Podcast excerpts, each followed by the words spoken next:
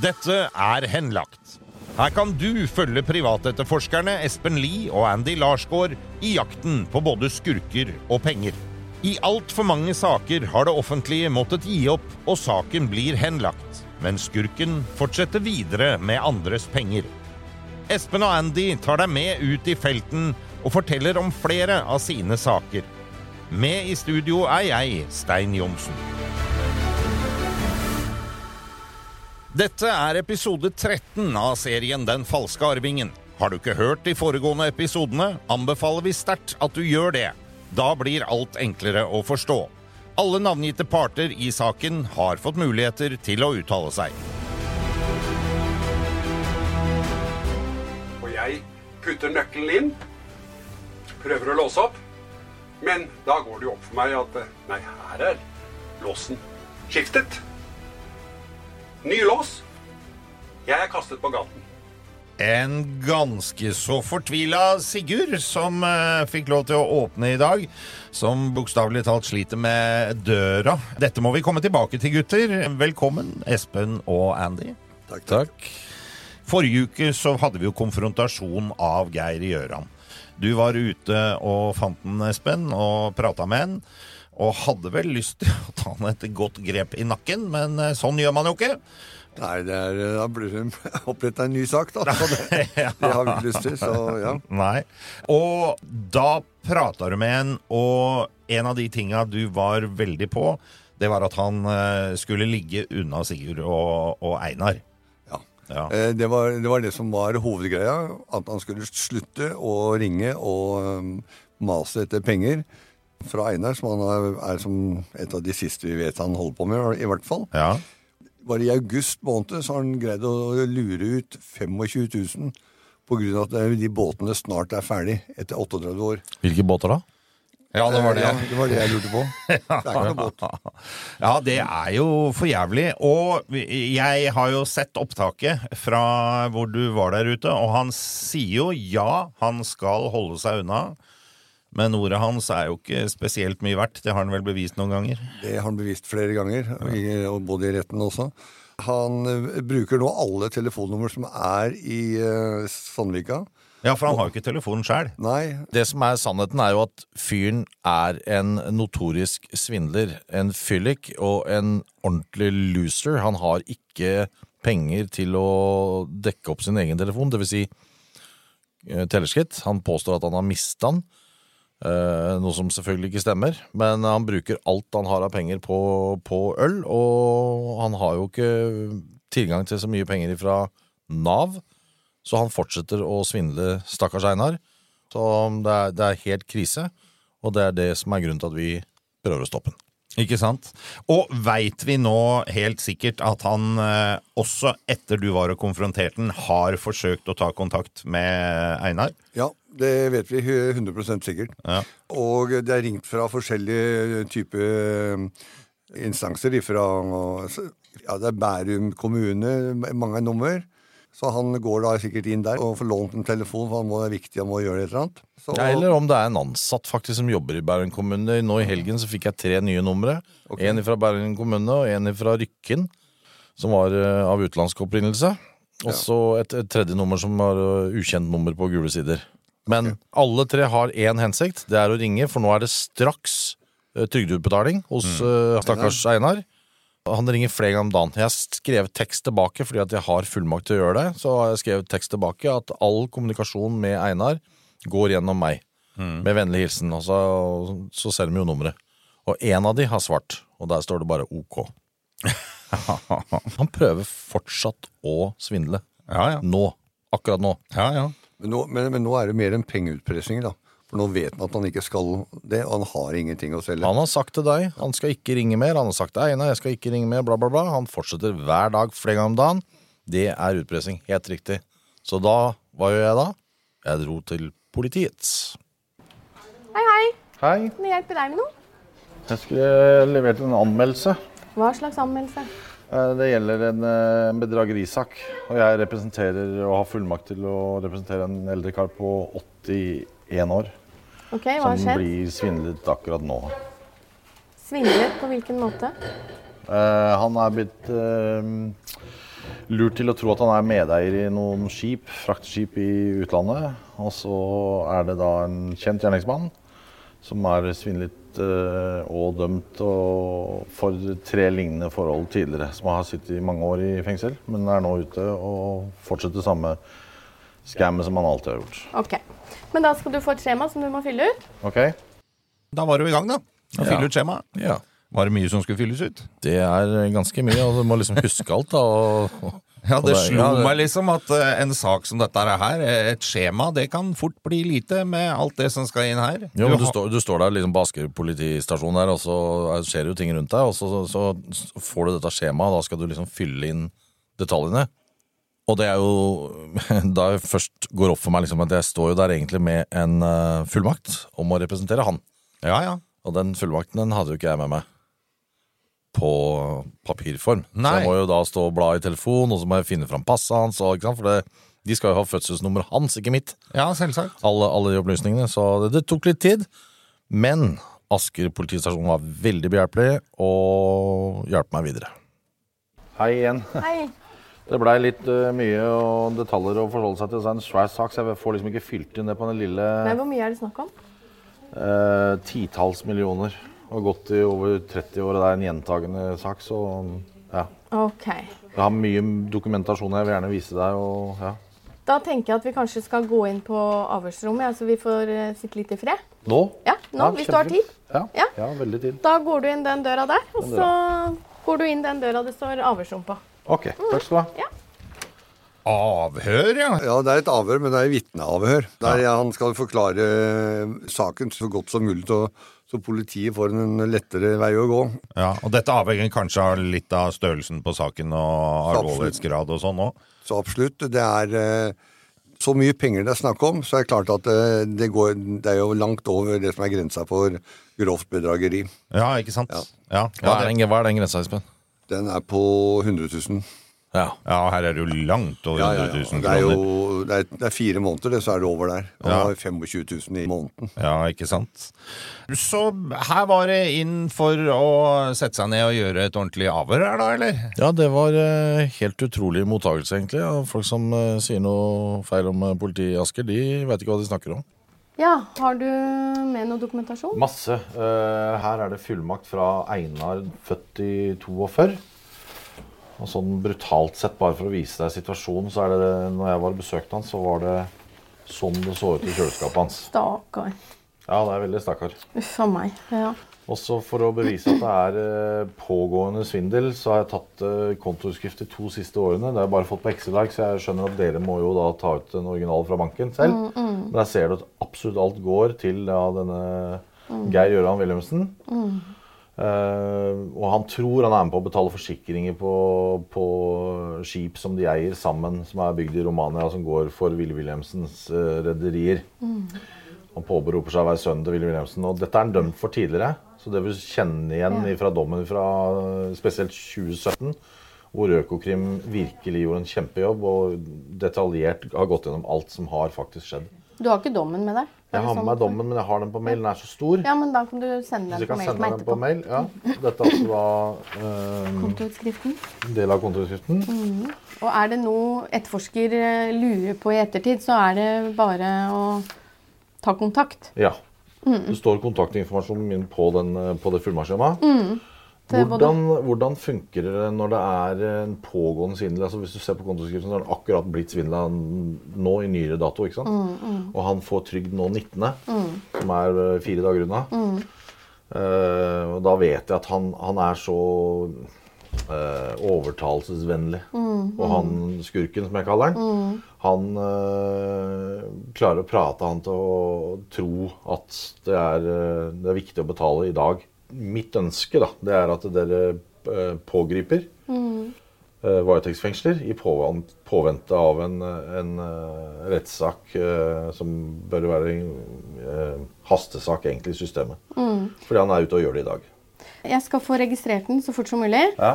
Og så skal jeg få sendt den inn til riktig vedkommende. Og så skal vi få prøve å få fortgang i dette her. Vi i Rema 1000 kutter igjen prisene, nå på en mengde påskefavoritter. Du får f.eks. minst 25% priskutt på appelsiner i løsvekt, familiepakning med vaffelmiks fra Toro, tipakk Rieger kakao fra Freia og andre påskefavoritter. Alt dette og enda flere priskutt på minst 25 For det er sluttsummen på påskehandelen som teller. Og husk at vi fortsatt har fryst prisen på over 1000 varer. Det er jo en eh, helt nydelig mottakelse av politiet her, Anders. Ja, ja, ja. Jeg følte jeg fikk sagt det jeg trengte å si. ja, ja. Hun tok imot eh, dokumentasjon og skjønte alvoret, og reagerer vel også på at eh, jeg viser det bildet med kjøleskapet til stakkaren som sitter der uten mat. ikke sant? Så det Det bildet sier jo mye, da. Det gjør jo det. Jeg har sett det bildet, jeg også. Jeg skjønner at hun reagerer på det. Og så er det jo da sånn at når du har vært inne og levert en anmeldelse, så skal den på en måte registreres og komme i systemet. Er Ja. det ting som tar lang tid? De som får en sånn uh, i posten etter et par dager hvor det står henlagt på, det kan jo ikke ha tatt så veldig lang tid, men det ser ikke ut som dette her er en sånn type sak. Hun tok det veldig alvorlig og, og uh, tok seg tid til å ta avhøret på stedet, liksom. Det Ja, ikke sant? Det er helt fantastisk. Så etter noen timer så hadde jeg faktisk bekreftelse på mail. Med påtaleansvarlig og saksbehandler etc. Et At saken er registrert og i gang Yes, i yes. systemet. Så veldig bra. Veldig, veldig bra av Asker politistasjon. Ja, hyggelig å kunne gi eh, ros der. Vi får se hvordan den saken går videre, men jeg er jo veldig spent på hvordan det har gått med Malin. Malin som jo altså hjelper Sigurd med å prøve å få ned alle disse kravene og trekkene. Eh, Vi fikk ikke prata med henne forrige uke, så jeg tenkte det er på tide å ta en telefon til henne nå. Hallo, det er Malin. Hei, Malin. Det er eh, Stein Johnsen som ringer fra Henlagt og sitter her sammen med Espen og Andy som vanlig, vet du. Hei, hei. Hei, gjengen! Hei, gjengen, faktisk. ja, ja. Hei. Åssen går det med deg? Jo, det går veldig bra, det. Vi jobber på. Ja, det tror jeg jo. Jeg veit jo at dette er en prosess som tar tid, men eh, også er vi litt spente. Ja, det er jo en prosess som tar tid, som du sier. Særlig med tanke på å skulle prøve å få bort de her store kravene. Så det tar nok eh, litt lengre tid enn to uker, men jeg har en oppdatering. Som dere kanskje husker, så hadde Sigurd utleggstrekk i inntekta si. Det var på 7900 og 300, så totalt 8200. Ok.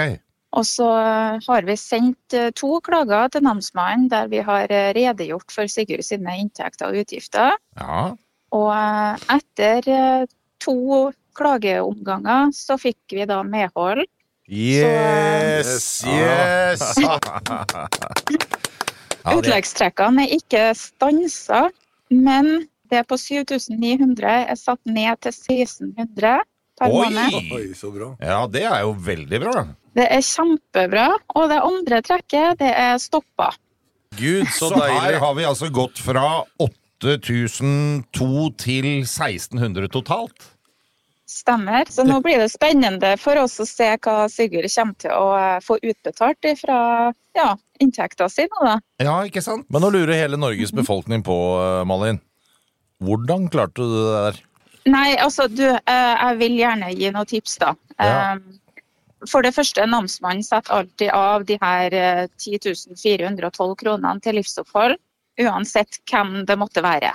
Det må man ha. Det er tilknytta matutgifter f.eks., og det må man ha. Ja.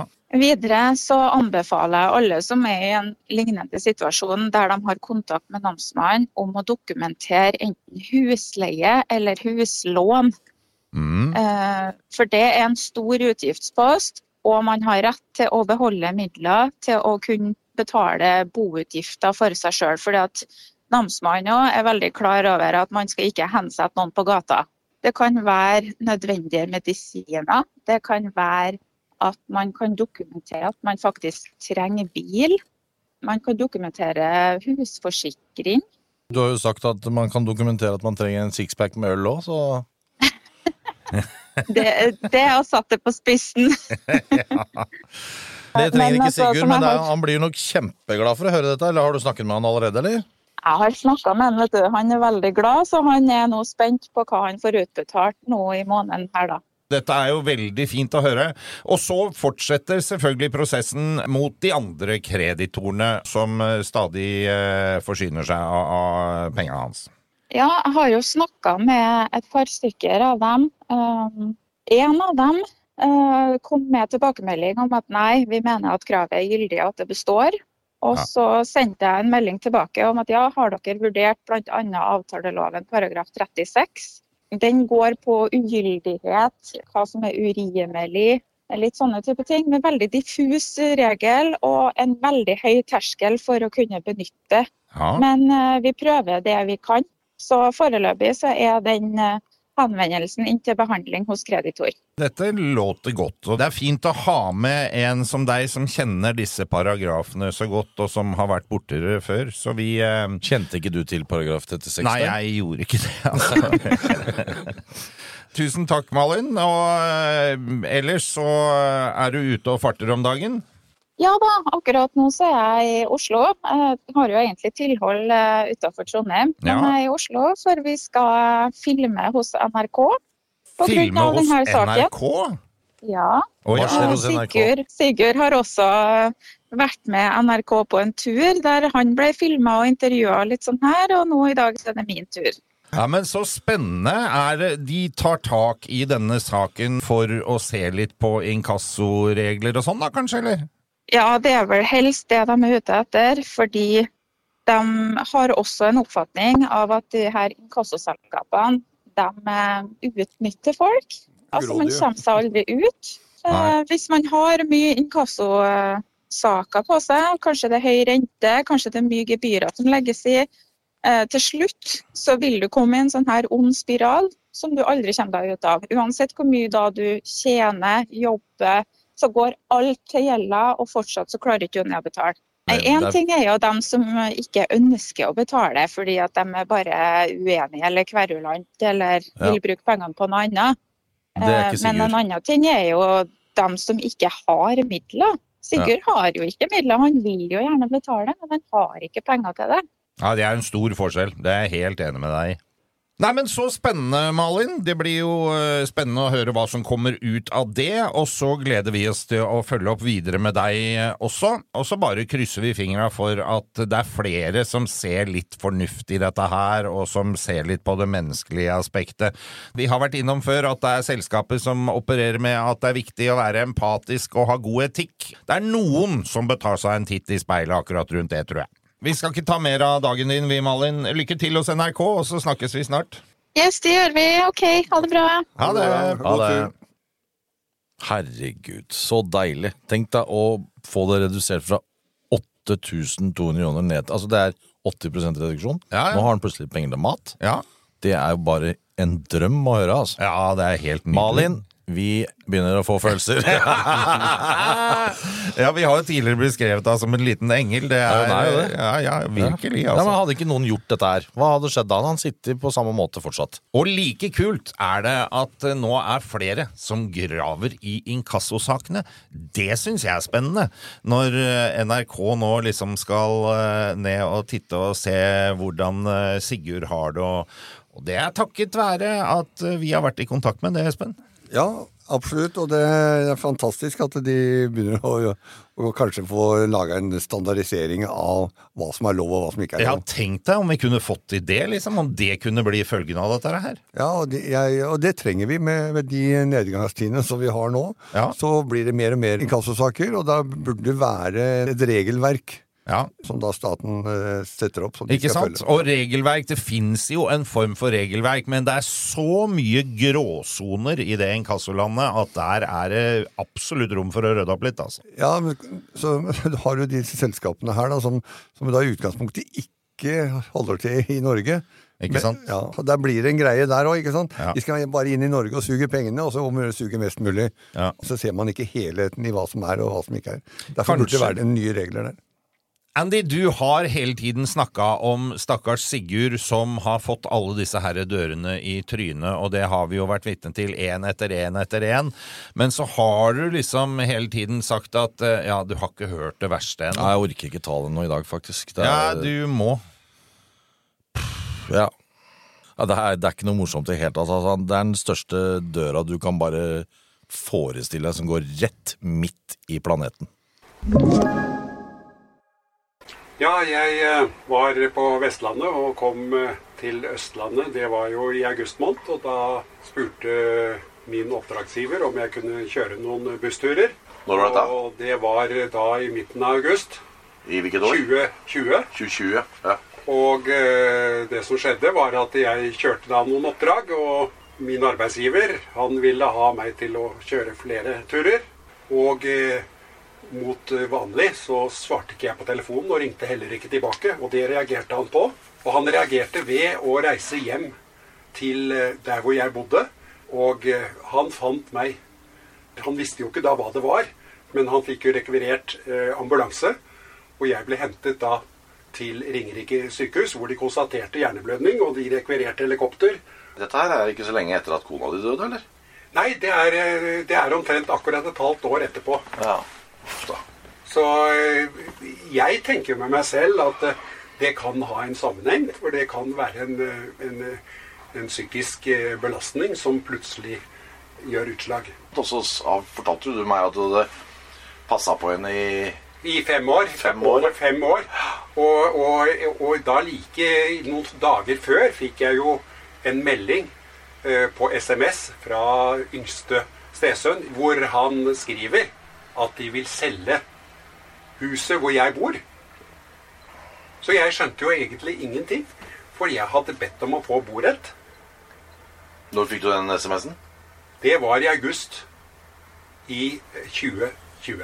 Ok, Rett før du fikk uh... Rett før jeg fikk hjerneblødning. Så derfor så tenker jeg at dette ble litt for mye for meg. Og at eh, det kan ha vært årsaken til at jeg fikk den hjerneblødningen. Hvorfor skulle barna som du har Det er du som har vært pappaen, egentlig. Ja, Du har vært eh, også bestefar til barna deres igjen. ja. Hvorfor skulle de kaste deg ut av et hus uten å Jeg skjønner at de kan selge en eiendom, men du får det på en tekstmelding? ja. Ikke noe så fint hvis vi leter etter et annet sted å bo, eller ikke noe sånt? Nei, overhodet ikke. Det er jo helt umenneskelig, da. Ja. Jeg ble sendt med ambulanse til eh, Ullevål sykehus og ble operert. Og Det er derfor du har den svære flenga i huet. Det er derfor jeg har det. Og eh, etter noen dager så fikk jeg besøk av mine døtre. Og eh, de tok jo bilde av meg med eh, fullt av spiker i hodet. Som jeg da sendte til mine stesønner. Og, og jeg hørte ikke et ord. De kom ikke med en svar på den SMS-en. De eh, kom ikke på besøk. De øh, ring, ringte ikke.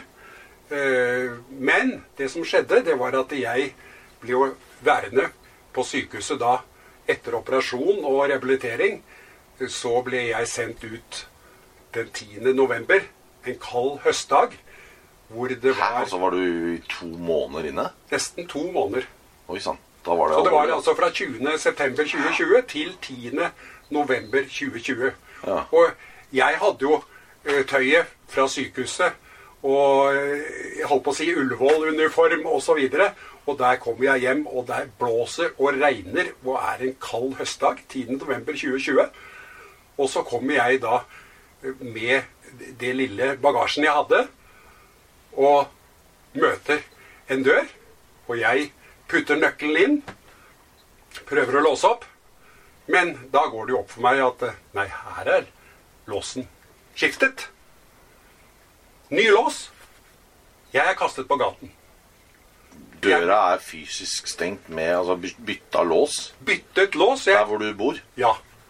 Så jeg kommer jo ikke inn der hvor jeg bor. Hvor jeg Har, har du- ikke fått noen melding om det, eller ingenting? Ingen, ingen varsler om at, dette, at de gjorde noe sånt. Og de tinga dine står på innsida av døra der? Alle ti, mine ting de sto jo der inne. Jeg kom jo, jeg kom jo ikke inn. Jeg, kom jo, jeg eh, tenkte meg om. Så tenkte jeg det at det eneste jeg kan gjøre, det er å gå ned på Circle K på bensinstasjonen nede på Vik. For der kjenner jeg han som driver den stasjonen. Og eh, tok en liten prat med han og sa at eh, jeg har nok blitt stengt ute. Jeg kommer fra sykehuset. Blitt stengt ute. Jeg får en varm kopp kaffe. Jeg veit ikke hva jeg skal si, jeg.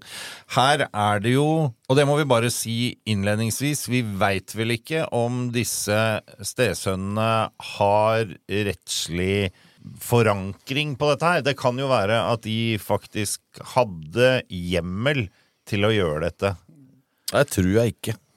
Nei, men det veit vi ikke.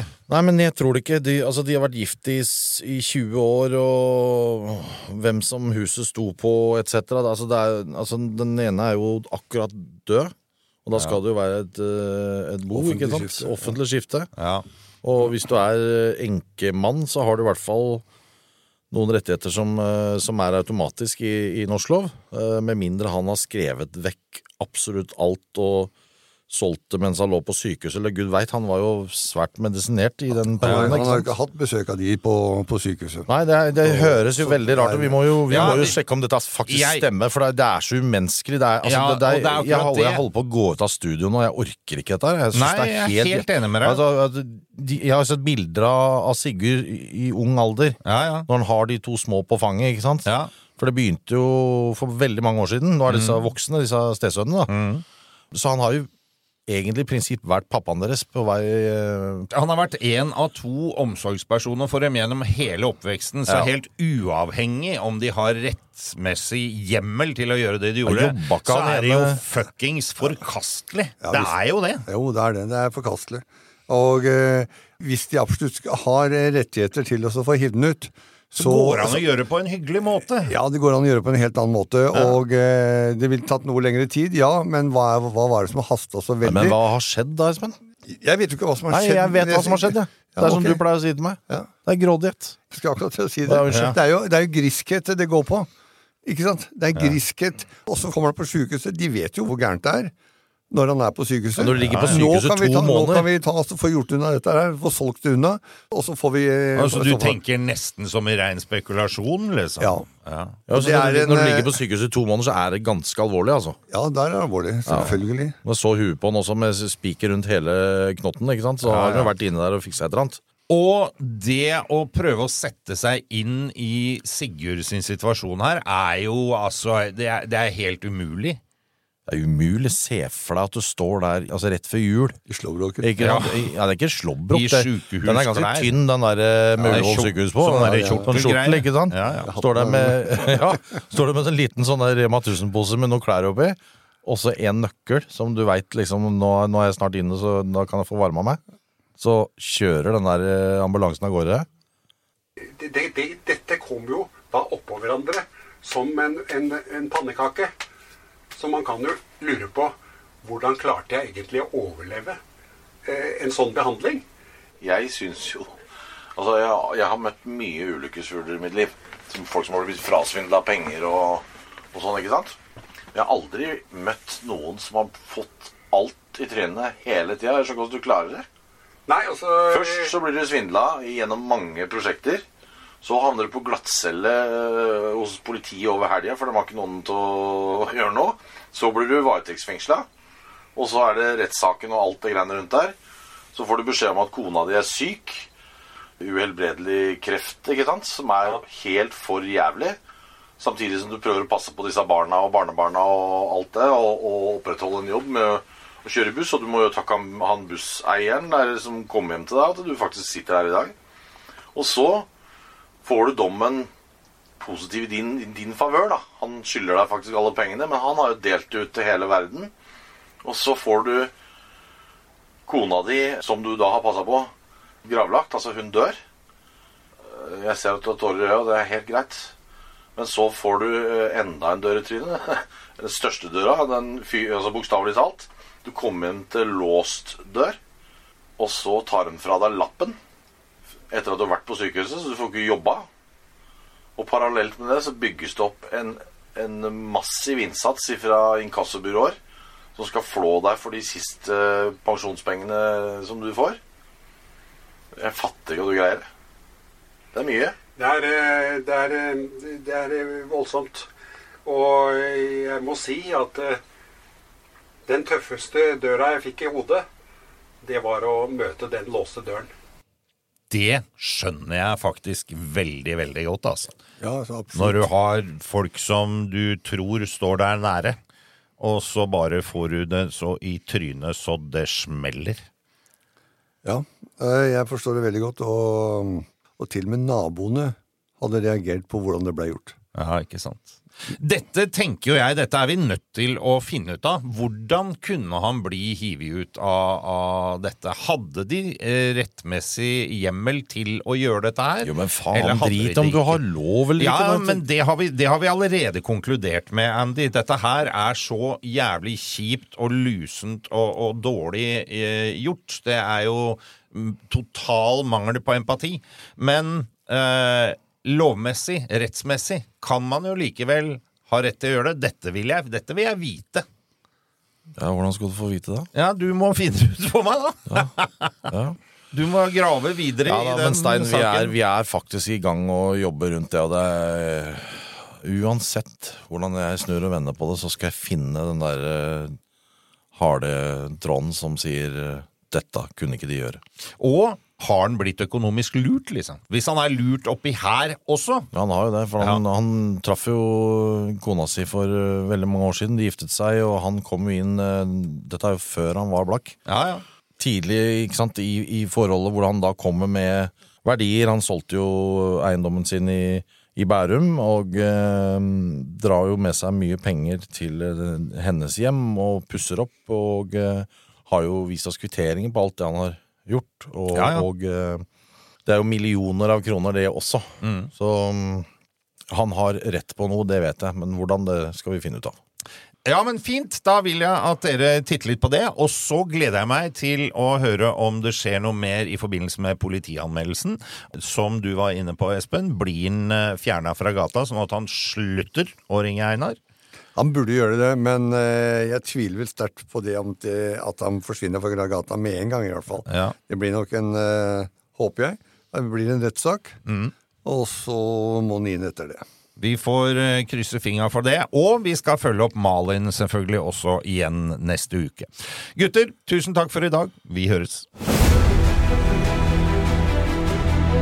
Vi har snakket med Geir Gjøran Wilhelmsen, og han ønsker ikke å kommentere denne saken. Denne podkasten er produsert av Big Dog Media for Henlagt AS. Redaksjonelt ansvarlig for denne episoden er Gustav Jansen. Produsent Stein Johnsen. Alle navngitte parter har blitt gitt mulighet til å uttale seg.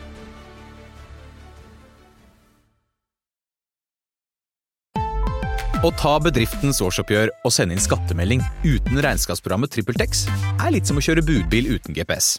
Du får nok levert, til slutt, men ikke uten å rote rundt og bruke masse tid. Med TrippelTex kan du stole på at du har riktig verktøy til regnskapsjobben. Prøv gratis på TrippelTex.no.